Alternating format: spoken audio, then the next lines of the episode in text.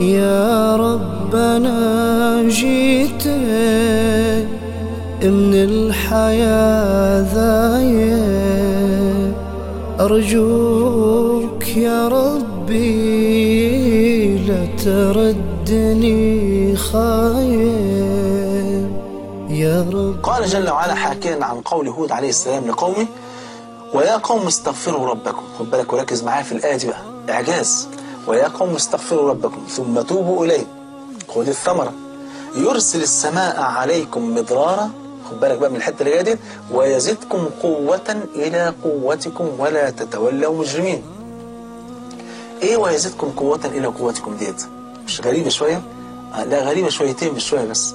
إزاي يعني يزدكم قوة؟ آه بالاستغفار. بالاستغفار تزداد قوة فوق القوة. ولذلك علق الإمام ابن تيمية رحمه الله رحمة واسعة على هذه الآية وقال على هذا فإن العبد إذا لزم الاستغفار فإن الله يزيده قوة إلى قوته. بعض الشباب آه، لما بيجي عند الزواج يقول لي انصحني فأقول له استغفر الله.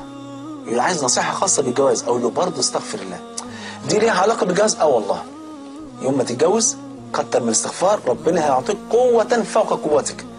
مش قوة رجل تاني جنب قوة رجل تبقى قوة رجلين لأ. ربنا جابها في صيغة النكرة من أجل التفخيم والتعظيم من شأنها. ما قالش يزدكم القوة إلى قوتكم إنما قال قوة إلى قوة. زي قول المولى عز وجل كما في الحديث القدسي الذي رواه مسلم آه، كل عمل ابن آدم له إلا الصوم فإنه لي وأنا أجزي به. هل ربنا وضح؟ إيه الجزاء؟ لا ما وضحش. واخد بالك؟ زي قول المولى عز وجل إنما يوفى الصابرون أجرهم بغير حساب. فالحاجات التي لا يذكر فيها المولى عز وجل ال- الأجر المترتب عليها دي أعرف إنها لا تخطر على قلب بشر. فهنا برضو بيقول إيه؟ ويزدكم قوة قوة. إيه القوة دي؟ حجمها دي؟ قدرها دي إيه؟ طب ليه جابها بصيغة النكرة؟ لأنها بتتوقف على قدر الاستغفار اللي أنت بتستغفره. ما أنا ممكن أستغفر في اليوم أربعين ألف مرة وأنت تستغفر في اليوم ألف مرة. وغيرك يستغفر مرتين وفي غيرك بيقول هو أنا عملت أصلا حاجة وحشة عشان أستغفر؟ يا عم ده أنا زي الفل ده أنا يعني الحمد لله رب العالمين ده أنا ليل ونهار مقطع نفسي عبادة واخد بالك؟ فلا يمكن يستغفر. آه فأكيد اللي استغفر ربنا 100 مرة هيرزق قوة معينة واللي استغفر 1000 مرة قوة أكتر واللي 40 ألف مرة. لا لا لا خد بقى خدت بالك ال- الوضع عامل إزاي؟ فعلى قدر استغفارك ترزق هذه القوة. يبقى إيه؟ يبقى بدل ما عم- عمال بتدور آه طب استعمل إيه واجيب إيه ومش عارف اعمل إيه؟ استغفر. استغفر ربنا هيعطيك قوة تعينك على الزواج. وقوة تانية آه، وعلى إيه؟ على الإنجاب. الإنجاب آه يمددكم بأموال وبنين اهي بسبب الاستغفار. فقلت استغفروا ربكم إنه نجمع بين الأيتين بقى. وقلت استغفروا ربكم إنه كان غفارا يرسل السماء عليكم ويمددكم بأموال وبنين. يبقى الاستغفار سبب في قوة العبد. الزوج ماشي؟ سواء كان زوج أو غير زوج بس بنتكلم عموما عن المسألة دي عشان بعض الناس بتسأل عنها يبقى قوة في الزوج وفي نفس الوقت قدرة على الإنجاب بفضل الله أولا وآخرا. شفت قد إيه الاستغفار آه، يعني ما شاء الله النعم اللي في الاستغفار ولذلك سبحان الله كان سلفنا الصالح ده كانوا غاية في الذكاء. ناس عارفة تتعامل مع ربنا إزاي يا جماعة؟ كان أحد السلف كان دائما يكثر من قول أستغفر الله. الحمد لله. أستغفر الله. فواحد قال له ألا تحسن غير ذلك؟ قال بلى. أحسن كثيرا من الذكر. ولكن العبد ما بين شيئين.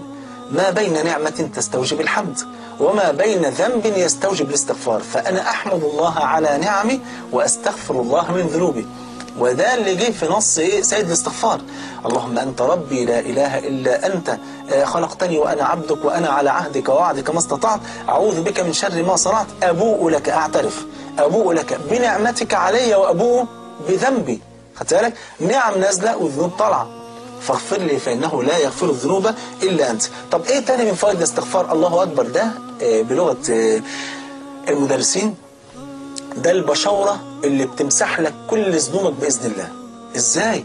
آه لأن النبي عليه والسلام قال كما عند البيهقي بإسناد حسن من أحب أن تسره صحيفته فليكثر فيها من الاستغفار. من الاستغفار؟ أي نعم. كتر الاستغفار. ال- ال- الصحيفة بتاعتك مليانة ذنوب. الاستغفار يمسح يمسح الذنوب يمسح امسح فالاستغفار توبة. ده مجرد الندم توبة. فما ظنك بالاستغفار؟ خدت بالك؟ امسح الذنوب ينظف لك الصحيفة خليها زي الفل. يبقى ادي الاستغفار وبعدين سبحان الله في إيه تاني طب ممكن يزيد من قوة العبد؟ الحتة اللي إحنا ذكرناها اللي فاتت دي إن أنا عايز ربنا يرزقني بالقوة عايز ربنا يرزقني بال آه، ما شاء الله يبقى عندي قوة جامدة. إيه قلنا الاستغفار. اللي إيه؟ ويزيدكم قوة إلى قوتكم. إيه تاني يا جماعة؟ التسبيح والتحميد وإيه؟ والتكبير. دليل حاضر على عيني بس تصلي على حبيبك صلى الله عليه وسلم. حديث في البخاري ومسلم. وده نختم بيه حلقة النهارده. آه وربنا يرزقنا اياكم يا رب العلم النافع والعمل الصالح. آه حديث في البخاري ومسلم. سيدنا علي بن أبي طالب تعرف كان فقير جدا. خد بالك. وتزوج فاطمة كما تعلمون كما ثبت ذلك عند حديث رواه أحمد بإسناد حسن في شواهده آه إن هو تزوج فاطمة على درع مكسورة رفعها النبي صلى الله عليه وسلم وقال هذا مهر فاطمة بنت محمد. جاء في في في السبي بقى طبعا جواري وعبيد للنبي صلى الله عليه وسلم. فسيدنا علي قال لفاطمة إيه، اذهبي إلى النبي صلى الله عليه وسلم واطلبي منه خادما. هي تعبت خلاص من شغل البيت ومش قادرة وتعبانة فقال لها اطلبي من النبي خادما. فاطمة قمة في الحياة راحت لأبيها سيد ولد آدم صلى الله عليه وسلم وراحت له قعدت عنده وكلمته كل حاجة واستحيت أن تطلب منه خادما ورجعت وراحت مرة تانية ورجعت وهي في آخر مرة طلبت منه خادما فرفض النبي صلى الله عليه وسلم فرجعت فاطمة مكسوفة وخجلانة ومتضايقة وزعلانة يعني. طبعا طبعا مش زعلانة من النبي عليه بس هي زعلانة إن هي طلبت حاجة من النبي عليه وإيه؟ النبي عليه لم يلبي طلبها فاتكسفت إن هي طلبت أصلا. فراحت البيت ونايمة هي وعلي وجاء النبي صلى الله عليه وسلم وطرق الباب. فلما طرق الباب فتح فتح عليه الباب فدخل النبي صلى الله عليه وسلم لقاهم هم الاثنين نايمين على الفراش فقال لهم كما أنتم يعني زي ما أنتم كده نايمين. وجلس النبي صلى الله عليه وسلم بجوار فاطمة وعلي رضي الله عنهما وقال ألا أدلكما على خير لكما من خادم. أنتوا عايزين خادم علشان يعينكم على اعمال البيت. أنا هقول لكم على حاجة بقى أفضل من الخادم. تعينكم وتديكم قوة على أعمال البيت وعلى الشغل وعلى الكد وعلى التعب وتخليكم مرتاحين خالص ما شاء الله. ودي هدية الليلة بقى لحبايبي. فاهم إزاي فقالوا بلى يا رسول الله. قال إذا آويتما إلى فراشكما فسبح الله عز وجل ثلاثا وثلاثين. واحمد ثلاثا وثلاثين وكبر أربعا وثلاثين فذلكما خير لكما من خادم. يا الله. سيدنا علي بقى لما بيروي الحديث ده واحد بيقول له فهل تركتها فقال فقال علي بن أبي طالب فوالله ما تركتهم ابدا. ال- الأفكار ديت منذ أن علمني النبي إياها. قال ولا ليلة صفين في عز الرعب ده كله. قال ولا ليلة صفين.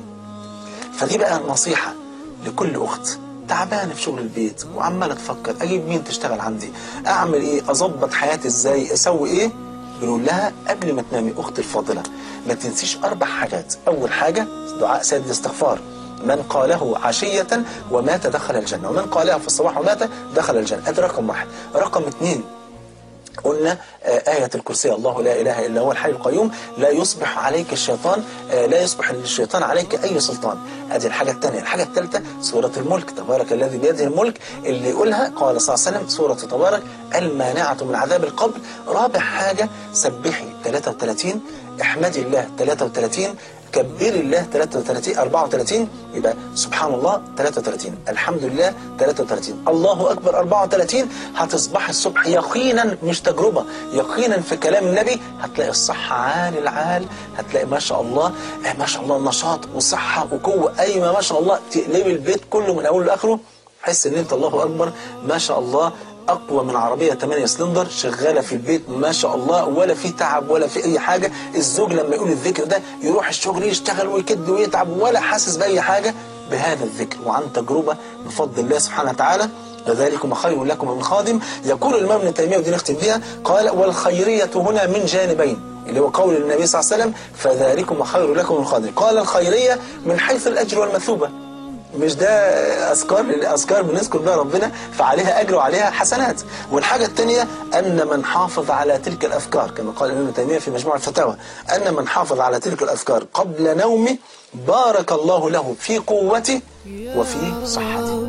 يا عالي يا عادل وصايب أدري إني ما سوى أدري إن أنا عايب بس أطمع بلطفك بس أطمع بلطفك بس أطمع بلطفك يا رب الوهايب